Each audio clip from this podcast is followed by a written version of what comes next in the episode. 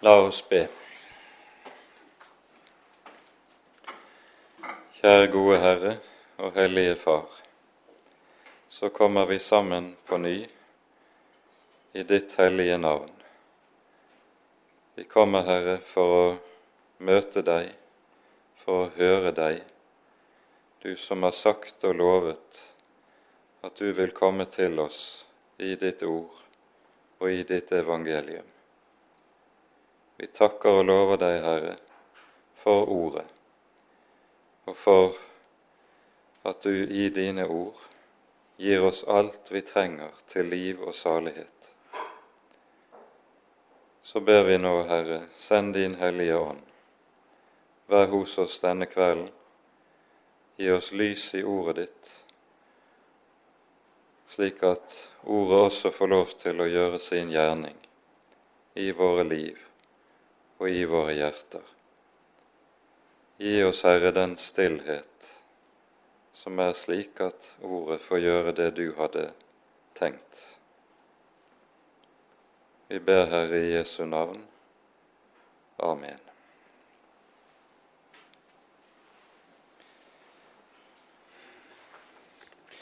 Forrige gang så gikk vi gjennom eh, de første åtte versene av eh, det femte kapittelet i andre Korinterbrev, eh, der apostelen taler om håpet, håpet om oppstandelse.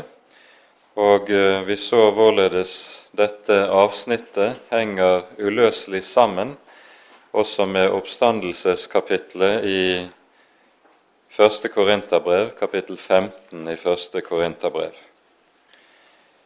Og Vi leser nå videre fra vers 9 av i, her i kapittel 5 i Jesu navn. Derfor setter vi også vår ære i, enten vi er hjemme eller borte, i å være Ham til behag.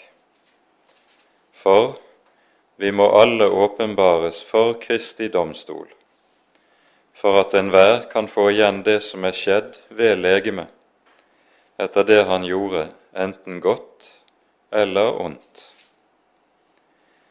Da vi altså kjenner frykten for Herren, søker vi å vinne mennesker. Men for Gud er vi åpenbare. Jeg håper også å være åpenbar for deres samvittigheter. Ikke så at vi igjen anbefaler oss selv for dere, men vi gir dere anledning til å rose dere av oss, så dere kan ha noe å sette imot dem som roser seg av det de er i det ytre, og ikke i hjertet.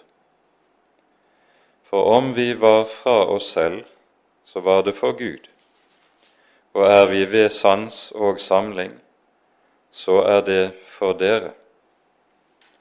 For Kristi kjærlighet tvinger oss idet dette er avgjort. Én er død for alle, og derved har de alle dødd. Og han døde for alle, for at de som lever, ikke lenger skal leve for seg selv, men for ham som døde og ble reist opp for dem. Så kjenner vi fra nå av ikke noen etter kjødet. Har vi òg kjent Kristus etter kjødet, så kjenner vi ham nå ikke lenger slik. Derfor, om noen er i Kristus, da er han en ny skapning. Det gamle er forbi, se, alt er blitt nytt. Men alt dette er av Gud, Han som forlikte oss med seg selv ved Kristus og ga oss forlikelsens tjeneste.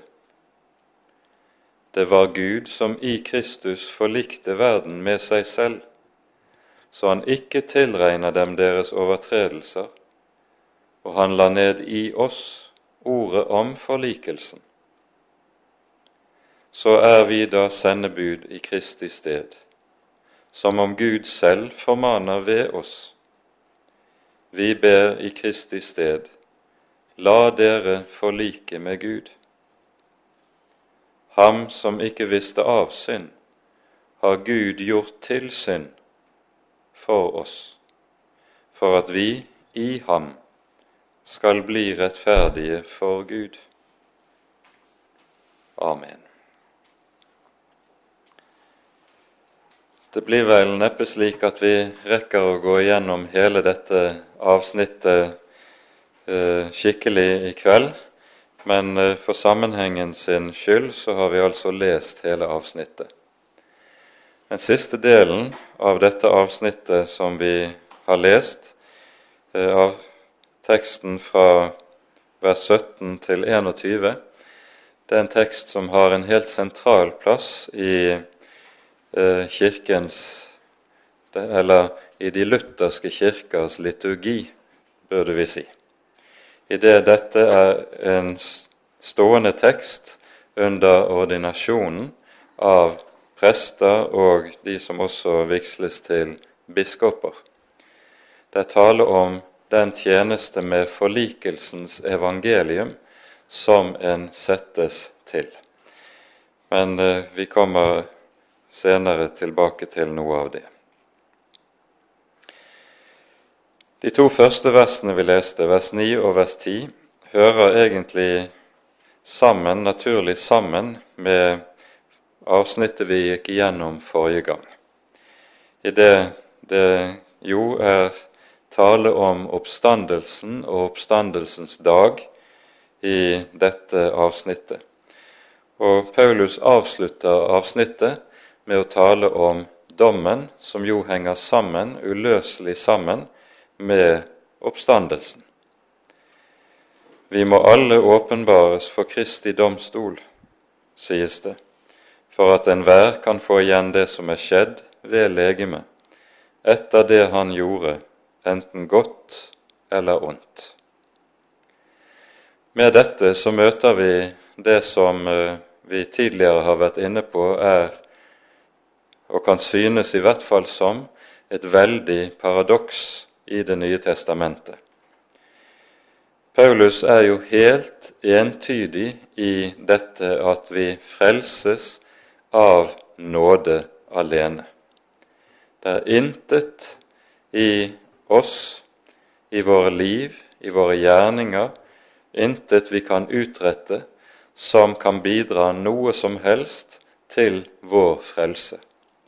Vi frelses på grunnlag av det en annen har gjort, og på grunnlag av det en annen er, ikke på grunnlag det vi selv er eller kan være eller gjøre. Men like entydig er Det nye testamentet i dette at det forkynner for oss at dommen på den siste store dag, den skjer etter gjerninger. Her hører vi både Jesu undervisning i evangeliene om denne sak. Paulus eh, vender tilbake til dette på en rekke steder i sine brever. Og Samme sak forkynnes også for oss ellers i Skriften. Når det gjelder Paulus' undervisning om dette, så kan vi kanskje minne særlig om Romerbrevets andre kapittel.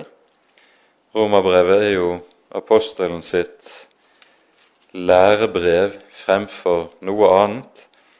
Og I det andre kapittel så taler han også om dette som vi hører her i det tiende verset i kapittel fem i andre Korinterbrev. Vi leser fra Romerne kapittel to. Derfor er du uten unnskyldning, du menneske, hvem du enn er som dømmer. For idet du dømmer en annen, fordømmer du deg selv. Du som dømmer, gjør jo selv det samme. Vi vet at Guds dom i samsvar med sannheten er over dem som gjør slikt. Men du menneske som dømmer de som gjør slikt, og selv gjør det samme, mener du at du skal kunne unnfly Guds dom? Eller forakter du hans rikdom på godhet og overbærenhet og tålmodighet? Vet du ikke at Guds godhet driver deg til omvendelse? Med din hardhet og ditt ubotferdige hjerte hoper du deg opp vrede til vredens dag, den dag når Guds rettferdige dom skal bli åpenbart. For han skal gi enhver igjen etter hans gjerning. Til dem som med utholdenhet i god gjerning søker herlighet og ære og uforgjengelighet, skal han gi evig liv. Men over dem som er gjenstridige og ulydige mot sannheten, men lydige mot urettferdigheten, over dem skal komme vrede og harme. Trengsel og angst skal komme over hvert menneske som gjør det onde, både jøde først og så greker. Men herlighet og ære og fred skal hver den få som gjør det gode, både jøde først og så greker. For Gud gjør ikke forskjell på folk. Her hører vi samme sak noe videre eh, forkynt og noe videre mer inngående behandlet enn det vi hører bare ganske summarisk nevnt i 2. Korinterbrev 5. Og Går vi til åpenbaringsbokens 20. kapittel, det, så hører vi også samme sak forkynt for oss meget sterkt og meget tydelig. I åpenbaringsboken kapittel 20 leser vi sånn fra vers 11.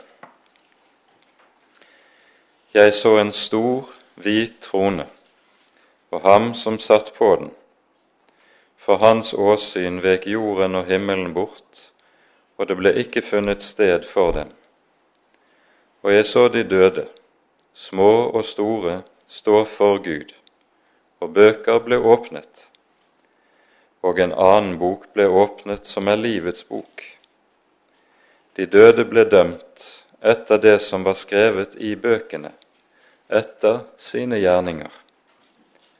Havet ga tilbake de døde som var i det, og døden og dødsriket ga fra seg de døde som var i dem, og de ble dømt, hver etter sine gjerninger. Og døden og dødsriket ble kastet i ildsjøen. Dette er den annen død. Og hvis noen ikke ble funnet innskrevet i livets bok, ble han kastet i ildsjøen. Her hører vi altså samme sak omtalt og nevnt som vi møter her i 2. Korinterbrev. Og Dette er altså en sannhet som entydig forkynnes for oss i Det nye testamentet. Det som da blir det store spørsmålet for oss, er hvordan henger disse to saker sammen? På den ene side det at vi frelses av nåde uten gjerninger, og så på den annen side at Skriften også lærer at vi dømmes etter våre gjerninger på den siste store dag. Sammenhengen er nok den at de gjerninger det er tale om i denne sammenheng, er det som Skriften for øvrig kaller troens frukter. Troens frukter. Det er det som for et kristent menneske skapes i kraft av troen.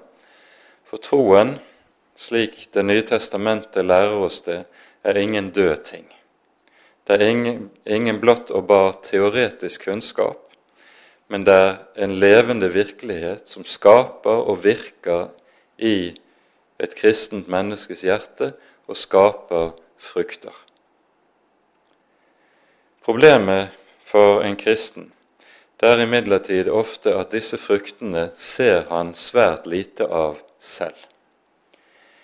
Dette ser vi en gjenklang av i den store domsteksten i Matteus 25, der vi hører når Jesus kommer eh, tilbake og sitter på herlighetens trone og skiller fårene fra gjetene.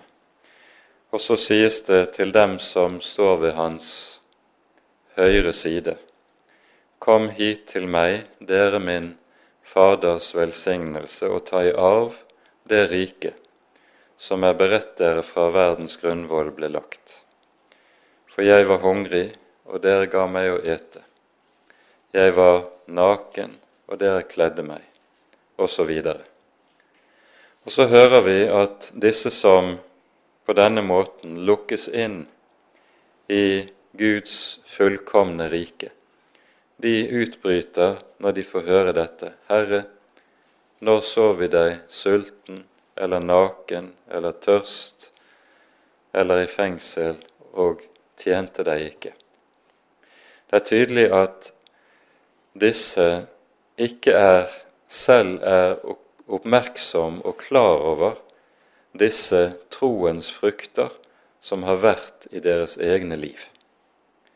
Og så opplever de nesten dette som en overraskelse som Herren Jesus sier til dem.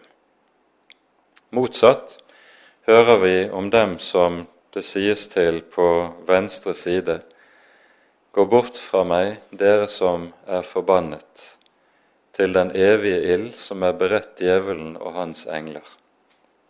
For jeg var sulten, og dere så ikke til meg, osv. Også de er overrasket. Og det kan synes ut fra teksten at disse tydeligvis har ment om seg selv at de har sitt på det tørre. De har mener om seg selv at de i hvert fall har gjort det som er nødvendig for å slippe gjennom nåløyet. Og så kommer dommen som en forskrekkelse og som en forferdende overraskelse på dem. Det som dette forteller oss, er en viktig sak. For det, det, det troende mennesket, for et Guds barn, er det slik at nådesinnet er det som råder og hersker i hans hjerte. Og nådesinnet, hva er det det er opptatt av? Det er opptatt med hva vi eier i Jesus. Hva han har gjort for meg. Og en synes at det som eventuelt måtte være av godt i livet, det er så puslete og lite å regne for at en helst vil stå i skammekroken med det. En vil helst ikke snakke om seg selv og sitt eget i den sammenheng. Det en helst vil se på og tale om, det er Jesus. Hva Jesus er, hva Jesus har gjort, hva Jesus betyr, det at jeg skal få lov til å leve på ham og ved ham. Det er det som betyr noe. Og Da kommer det som en overraskelse på den siste dag at Herren sier som han gjør det i Matteus 25. Den derimot som ikke eier nådesinnet, den som ikke er et Guds barn, han er i stedet opptatt nettopp med hva han gjør, og hva han ikke gjør. Og det som er noe av det grunnleggende kjennetegn på det falne mennesket som har spist av kunnskapens tre, det er at det nettopp er egenrettferdig og tror om seg selv. Ja vel, jeg er en synder som alle andre mennesker, sier en kanskje, men jeg er vel knapt verre enn dem, kanskje helst litt bedre. En har så mange gode unnskyldninger og forklaringer når det gjelder ens eget liv, at en tross alt mener at når den siste dag kommer, så vil mine gode gjerninger veie mer i vektskålen enn mine dårlige. Det er egenrettferdigheten. det er gjerningssinnet, det er lovsinnet, som derfor på den siste store dag vil komme til å få en slem overraskelse. For det som jo er det forunderlige med et Guds barn, det er at et Guds barn lever i syndenes forlatelse. Alle mine synder, alle mine onde gjerninger, alle mine fall i synd. Det er noe som jeg dag etter dag vet jeg skal få lov til å komme til Jesus med det.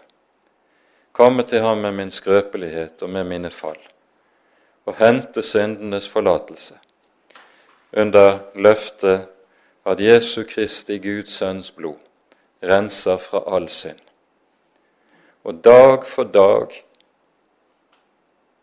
skal jeg få lov til å vite mine synder er meg forlatt, mine synder er meg tilgitt. Og når jeg kommer til min siste dag, som jeg skal leve her i verden, så skal jeg få lov til å regne med det samme for Jesus skyld. Og da skal du vite at på dommens dag så kommer ikke Gud og henter frem igjen de synder som var forlatt og tilgitt, og sier hva har du gjort?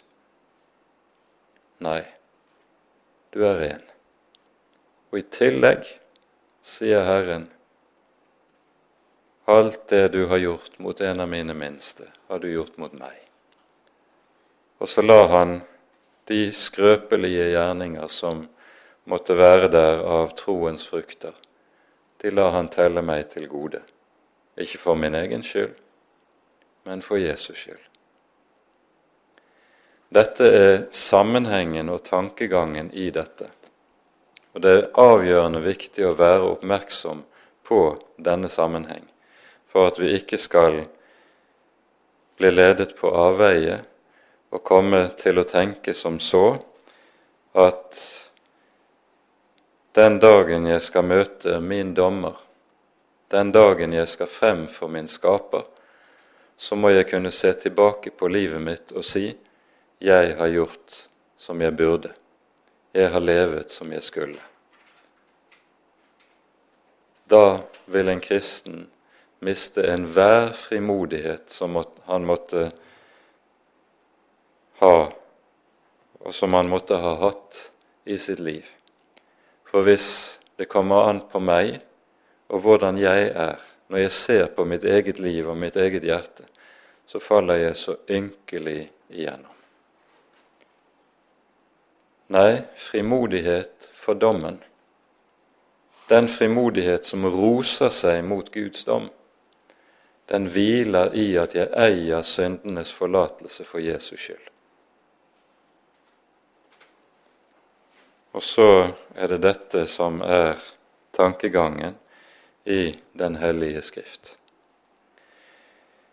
Når Bibelen på denne måten holder frem for oss Enhver skal få igjen det som er skjedd ved legemet, etter det han gjorde, enten godt eller ondt, så er det en sannhet som er avgjørende også på det vis at med dette holder Skriften frem for hvert menneske den sannhet at du er ansvarlig for ditt eget liv. Du er ansvarlig for ditt eget liv. Saken er jo den at dette er noe av en avgjørende side ved menneskets gudbilledlighet. Dyr er ikke ansvarlige. De skal ikke kreves til regnskap på dommens dag. Men mennesket som er skapt i Guds bilde, det er en skapning som står ansvarlig for sitt liv. Og ikke minst i den moderne tid er det meget nødvendig at denne sannhet holdes frem og understrekes. For eh, det ser jo ut til, ikke minst sånn som vår egen kultur i Skandinavia har utviklet seg, at flukten fra ansvaret er en, ves en vesentlig kjennetegn ved hele den kultur vi lever i. Sånn er det ved hele måten samfunnet organiseres på. Det er en ansvarspulverisering i måten ulike samfunnsorganisasjoner og institusjoner bygges opp. Og flukten fra ansvaret er også en del av det som ser ut til ofte å råde grunnen i mye av rettsvesenets praksis. Et menneske man kan Eh, unnskyldes for det man har gjort, fordi det er de og de livsomstendigheter, enten i barndommen eller i forbindelse med forbrytelse som er begått, som gjør at forbrytelsen mister noe av sin alvorlige karakter. Og så undermineres den enkeltes ansvarlighet. Skriften lærer altså meget entydig og sterkt dette at mennesket er en skapning med ansvar. Og å fornekte dette ansvar, pulverisere menneskets ansvarlighet, det er dypest sett også et angrep på menneskeverdet, på det at mennesket er skapt i Guds bilde. Så Dette er også en viktig side ved dette som vi må være oppmerksomme på. Vel, vi lar det være med det i denne omgang og går videre i teksten. Da vi altså kjenner frykten for Herren, søker vi å vinne mennesker, men for Gud er vi åpenbare. Jeg håper også å være åpenbar for deres samvittighet. Og Nå er det sånn at Paulus går over til å tale om forlikelsens tjeneste eh, med en parentetisk innskudd i vers 12 og vers 13 som handler noe om dette som har med den baktalelse som de falske predikanter i Korint har utsatt Paulus for. Men her står vi overfor en sak som vi skal må gjøre oss klart. Først, Legg merke til sammenhengen først i vers 11. Da vi kjenner frykten for mennesker, søk, frykten for Herren, søker vi å vinne mennesker. Og så kommer det i vers 14.: For Kristi kjærlighet tvinger oss. Det er ikke tilfeldig at disse to setningene liksom rammer inn dette avsnittet som vi nå går inn i. For den frykt som Paulus taler om, den Guds frykt som vi hører om i vers 11, det er noe helt annet enn det vi kan kalle for trellefrykten, og som Skriften taler om i flere sammenhenger. Det vi hører i vers 14, når apostelen sier 'Kristi kjærlighet tvinger oss', det er at med det så forteller Paulus oss hva det er som er drivkraften i hans liv og i hans tjeneste som apostel. Det er Kristi kjærlighet.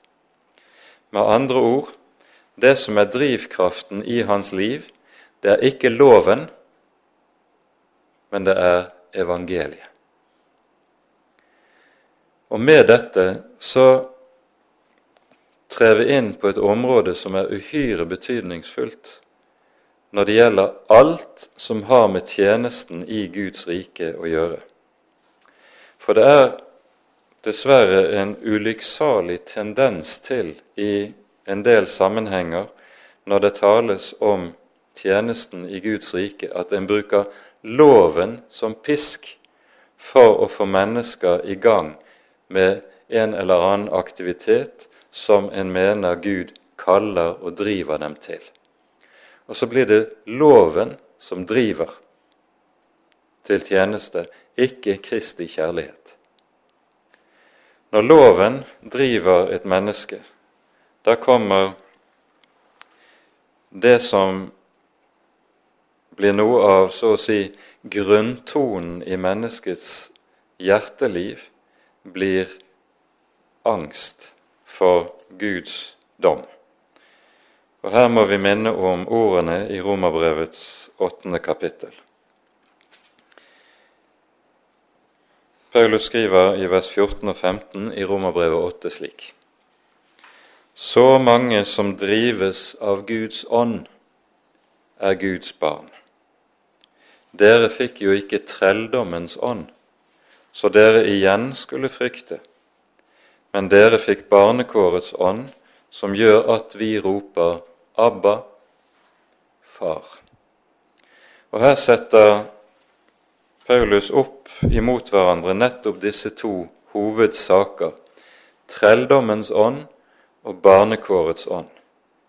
Trelldommens ånd kommer av loven og loviskheten og lovtrelldommen. Barnekårets ånd er noe som utelukkende kan skapes ved evangeliet og hva vi eier i evangeliet om Jesus.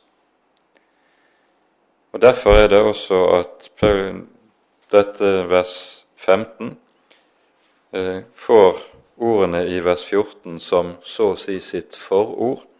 Så mange som drives av Guds ånd, er Guds barn. For hva er Guds ånds vitnesbyrd? Ånden herliggjør Jesus. Ånden har det med seg at overalt hvor han er, der lyser evangeliet om Jesus klart for et menneskes hjerte. Og Derfor er det slik i Paulus sine brever, ikke minst i det åttende kapittel her i Romerbrevet, men også, som vi har sett det, i kapittel tre i andre Korinterbrev, at Ånden og evangeliet så å si er to ord som kan brukes med én og samme betydning. For der evangeliet er, der er Guds ånd. Der evangeliet ikke er, der er ikke Guds ånd. Dette er saken. Hva er det som kjennetegner trelldommens ånd under loven?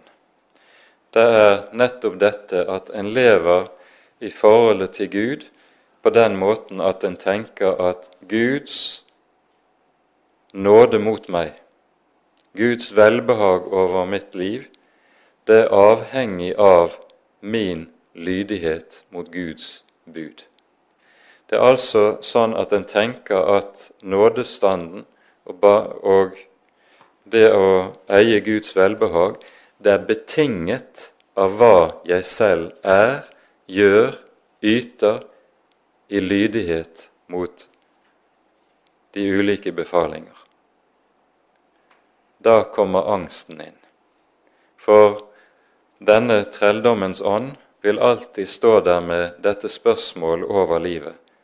Har jeg gjort nok? Og så drives en stadig videre fordi en vet med seg selv jeg har ikke gjort nok. Lydighetens vei har ingen slutt. Lovens krav har ingen ende, for loven krever alt. Og Derfor vil et menneske som er under loven, aldri kunne hvile. Og den som tjener i Guds rike under dette fortegn, det vil stadig leve i, i beven og i angst og i frykt. Du har enda ikke gjort nok. Barnekårets ånd vet at Guds velbehag over mitt liv, det er ikke betinget av at jeg har gjort nok. Den er ikke betinget av min lydighet, men den er betinget av at Jesus gjelder i mitt sted. Og Derfor er barnekårets ånd slik at den er trygg, selv om en føler det mangler på både det ene og det andre i livet mitt med Gud. Mitt bønneliv er skrøpelig. Min tjeneste i Hans rike har så mange flekker. Det er så mangt i livet mitt og i hjertet mitt som kristen som ikke holder mål. Men jeg vet at trass i dette så er Jesus min frelser og Gud min far. For dette er noe jeg eier for Jesus skyld, ikke for min egen skyld og på grunnlag av min, min egen lydighet. Og Derfor er det altså at Paulus skriver sånn som han gjør det. Det som er drivkraften i hans tjeneste, det er Kristi kjærlighet. Og Det innebærer at den frykt som Paulus omtaler da i vers 11, da vi altså kjenner frykten for Herren, søker vi å vinne mennesker. det er en frykt som ikke er trellefrykten, men den frykt som Skriften omtaler som Guds frykt, og som vi møter i mange, mange sammenhenger i Den hellige Skrift, og som har med ærefrykten for den levende Gud å gjøre. To ord vil vi i denne sammenheng ganske særlig minne om. Først ordene i Sakarias lovsang i Lukasevangeliets første kapittel.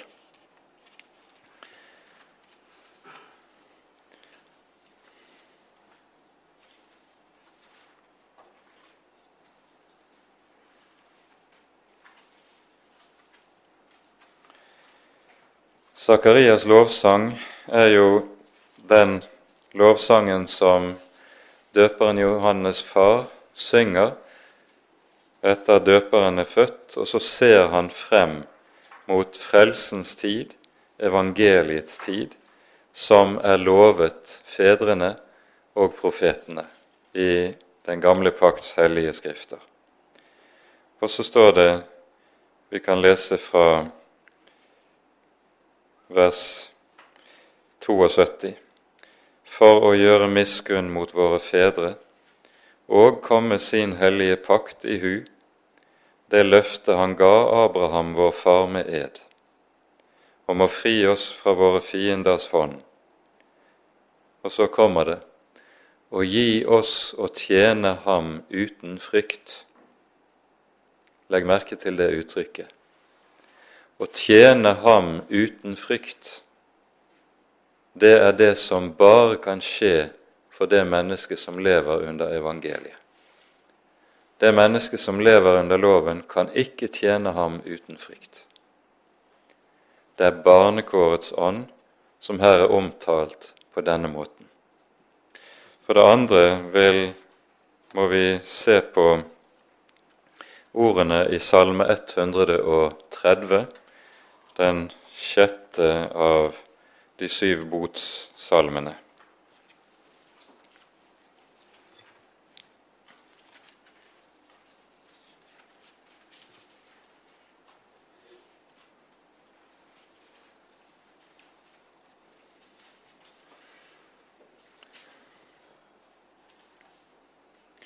Her står det Her står det sånn i vers 4.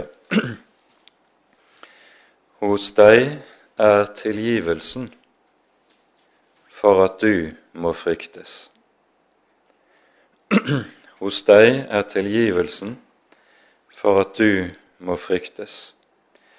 Det vi altså her hører, det er at det som Skriften kaller Guds frykt, det er noe som Unnskyld. Noe som skapes av syndenes forlatelse. Det er altså noe som ikke skapes av loven, men som henger uløselig sammen med evangeliet, budskapet om syndenes forlatelse. Dette er en sannhet som uh, er viktig å være oppmerksom på for at vi skal forstå det Bibelen sier om Guds frykt på rette måten.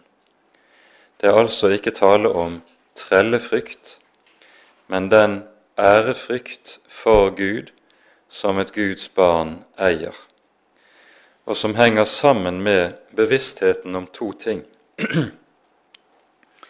For det første bevisstheten om egen synd dypet av, egen, av eget fall og av eget mørke. Og for det andre bevisstheten om hvem Herren er, nemlig at Han som troner i det høye og det hellige, som er evig hellighet og en fortærende ild mot alt som heter synd og ugudelighet, han har dog bøyet seg ned i det dype og gitt seg selv for å frelse fra synd. Denne bevissthet om både hvem jeg er, og hvem Herren er når Han bøyer seg til meg i sin nåde, det er dette som skaper Guds frykten. Denne ærbødighet innenfor den levende Gud, en ærbødighet som henger uløselig takk, sammen med takken for og undringen over hva vi eier i evangeliet om Herren Jesus.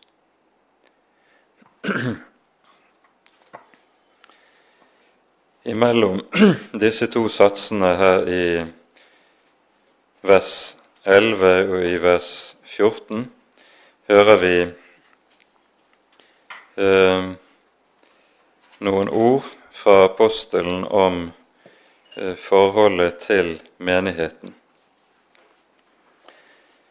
Paulus vet om seg selv at han eh, står for Guds ansikt med sin tjeneste.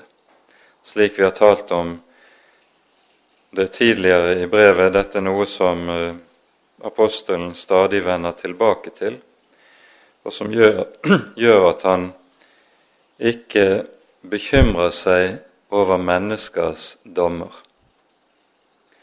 Men samtidig er det avgjørende for ham at menigheten skal stå ikke komme inn i et misforhold til ham som apostel, foranlediget av disse falske forkynnerne og predikantene som er ute og går. Fordi det vil komme til å også å ramme og skade deres forhold til evangeliet.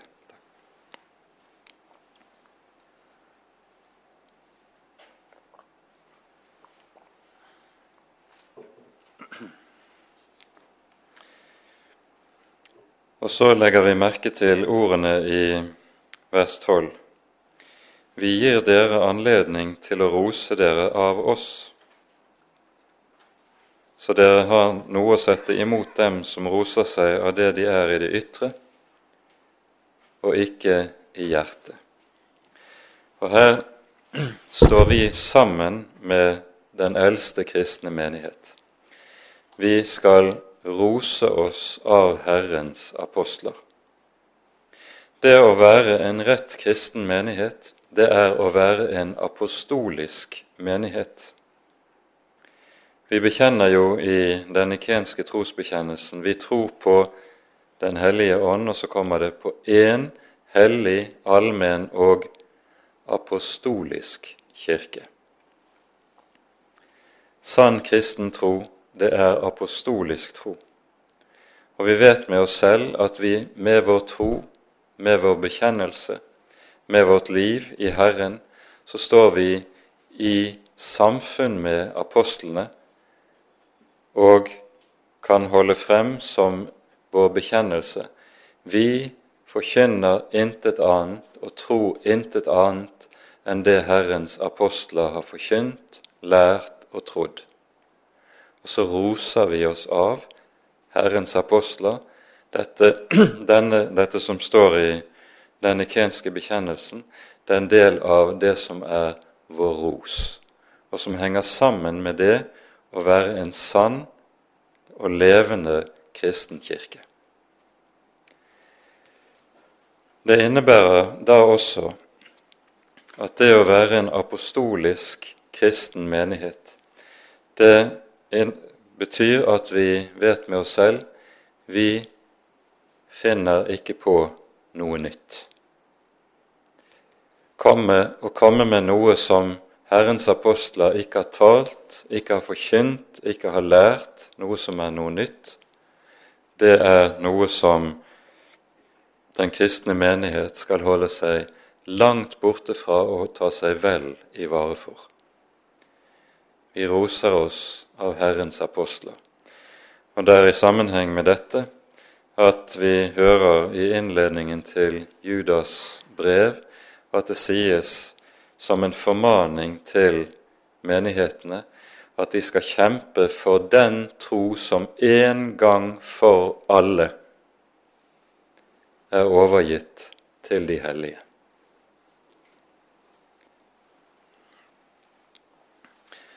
Ordene som vi hører her i vers 13, så, det er noe uklart hva som egentlig ligger i dem. Når Paulus skriver 'for om vi var fra oss selv, var det for Gud', og er vi ved sans og samling, er det for dere.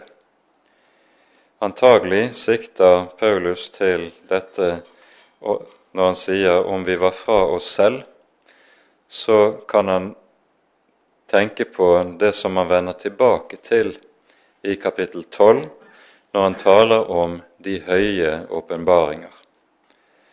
Der sier han at 'jeg kjenner et menneske i Herren'. Om han var i legeme eller utenfor legeme, vet jeg ikke. Det er mulig at det er det han tenker på. En annen eh, mulighet for det som apostelen muligens kan ha i tanke, det er det samme som vi hører sies om Jesus selv i evangeliene. Da husker dere at ved en anledning, det står bl.a. i Markusevangeliets eh, eh, tredje kapittel, at når Jesu brødre og familie får høre om Jesu gjerninger, så eh, sa de ved seg selv, sa de, han er fra seg selv. Og så går de for å oppsøke Jesus og for å prøve å få han til å besinne seg. Om det er det som det tenkes på her, da det tale om det virke og eh, den forkynnelse som apostelen har i verden, og som får verdens mennesker til å tenke dette er galskap. Han er fra sans og samling. Om det er det han i tilfelle har i tanke, så innebærer det han her sier, at han er villig til å stå som en dåre for verden. For dette er for Guds skyld og for Kristi skyld. Om vi er fra oss selv, så er det for Gud. For Guds ansikt står vi og forkynner, og så får verden vel se på oss som dårer som er fra seg selv. Men om vi er ved sans og samling, så er det for dere.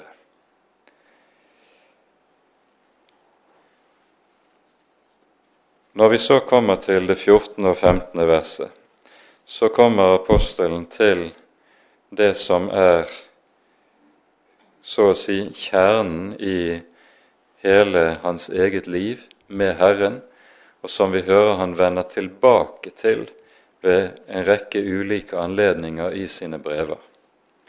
I Galaterbrevets annet kapittel hører vi samme sak omtalt i et vers som har vært kalt for Paulus valgspråk. I Galaterbrevet 2,20 skriver apostelen følgende.: Jeg lever ikke lenger selv, men Kristus lever i meg. Og det liv jeg nå lever i kjødet, det lever jeg i troen på Guds sønn, Han som elsket meg og ga seg selv for meg. Det er samme sannhet og samme sak apostelen er inne i her i 2. Korinterbrev. Og leser vi Romerbrevets sjette kapittel, så ser vi dette dypere utlagt. Det er tale om det at å være et Guds barn, det er å dele livs- og dødssamfunn med Herren Jesus. Å være en kristen innebærer at du i den hellige dåp blir korsfestet og begravet med Kristus og oppreist med Kristus for å leve i ham og ved ham. Du lever ikke lenger selv, men det liv du lever, det lever du i ham og ved ham og i troen på ham for at de som lever, ikke lenger skal leve for seg selv. Og legg merke til det uttrykket. For det er nettopp det som er et grunnleggende kjennetegn ved det falne mennesket, ved synden. Da lever mennesket for seg selv. Det er egoet som er blitt sentrum i livet, og alt styres ut fra egoets interesse. Det som skjer der et menneske kommer til å høre Jesus til, det er at det lærer å se dette, nettopp dette, som selve den egentlige synd. Det at jeg lever meg selv, det at jeg lever for meg selv. Egeninteressen, egenkjærligheten, egenviljen, alt dette som vi kan sette ordet 'selv' eller 'egen' foran, det er drivkraften i det gamle mennesket. Men nettopp dette korsfestes ved troen på Jesus, i det et kristent menneske vet det er dette som er kjernen i synden. Og Derfor består det å bli et Guds barn i, består i det å bli frelst fra seg selv. Bli frelst fra det jeg er i meg selv, for at det skal skje en nyskapning. Det er Kristus som lever i meg, og så blir gudsbildet gjenreist. Kristi kjærlighet driver meg, skriver Paulus. Nå er det ikke lenger egeninteressen som er drivkraften, men det er Kristi kjærlighet. Og så ser vi et liv hos Paulus som er uselvisk i en utstrekning og en grad som vi knapt kan se hos noe annet fallent menneske her i verden. Vi avslutter med å ganske kort å se på ordene som står i vers 16. Så kjenner vi fra nå av ikke noen etter kjødet. Har vi òg kjent Kristus etter kjødet, så kjenner vi ham nå ikke lenger slik. Hva er det det tales om og tenkes på i denne sammenheng? I evangeliene hører vi flere eksempler på mennesker som kjenner Kristus etter kjødet. Vi kan peke på to eksempler i Johannesevangeliet. I Johannesevangeliets syvende kapittel eh, står det slik om eh, i vers 26 og 27. Det er reaksjonen på Jesu forkynnelse og virke i Jerusalem. Og så sier jødene i denne sammenheng Se, her taler han fritt ut, og folkets eldste sier ingenting imot ham. Våre rådsherrer kan vel ikke ha erkjent at han virkelig skulle være Messias? Men vi vet hvor denne mannen er fra. Men når Messias kommer, da vet ingen hvor han er fra. De mente seg å vite noe om Jesus ut fra sin rent naturlig menneskelige kjennskap. Samme sak møter vi også i Johannesevangeliets sjette kapittel. Her står det sånn i vers 42 Ja, vi kan lese 41 og 42. Jødene knurret da over ham fordi han sa, Jeg er det brød som er kommet ned fra himmelen. Og de sa, Er ikke dette Jesus, Josefs sønn? Kjenner vi ikke både hans far og hans mor? Hvordan kan han da si, Jeg er kommet ned fra himmelen? Her hører vi eksempler på slike som kjenner Jesus etter kjødet, men som ikke kjenner ham som den han er. For felles for de som kjenner Jesus som den han er, det er at de alle kan si vi så hans herlighet. Disse som kjenner Jesus etter kjødet, de ser ingen herlighet. De sier bare sånn som vi hører. Hvordan kan han si at han er kommet ned fra himmelen? Vi kjenner jo både til hvem han er og hvor han kommer fra. Vi kjenner hans far og mor og brødre og søsken. De lever jo midt iblant oss. Og Her møter vi noe som jeg tror kan være viktig å være oppmerksom på i mange sammenhenger når det gjelder kristent liv og kristen tro. Det er forskjell på å kjenne Kristus etter kjødet og å kjenne ham etter ånden. Bare de som er korsfestet, død og oppstanden med Kristus, kjenner ham etter ånden. Men dette er også sin parallell i forhold til Guds ord. Det går an å kjenne Guds ord etter kjødet, og kjenne Guds ord etter ånden. Altfor meget av den såkalte lærdom i teologien er kjennskap til Guds ord etter kjødet. En kjenner til de rent ytre forhold, men en kjenner ikke til det som fører til at en kan se Skriftens herlighet og se Kristi herlighet i Skriften. For også om dette forhold gjelder samme grunnlov som vi her har vært inne på, for å se herligheten, betinges det dette å være korsfestet, død og oppstanden med Herren Jesus og i livssamfunnet med ham. Og det er dette det er om å gjøre i den kristne menighet. Med det tror jeg vi setter punktum for dagens bibeltime. Ære være Faderen og Sønnen og Den hellige ånd, som var og er og være skal en sann Gud, høylovet i evighet. Amen.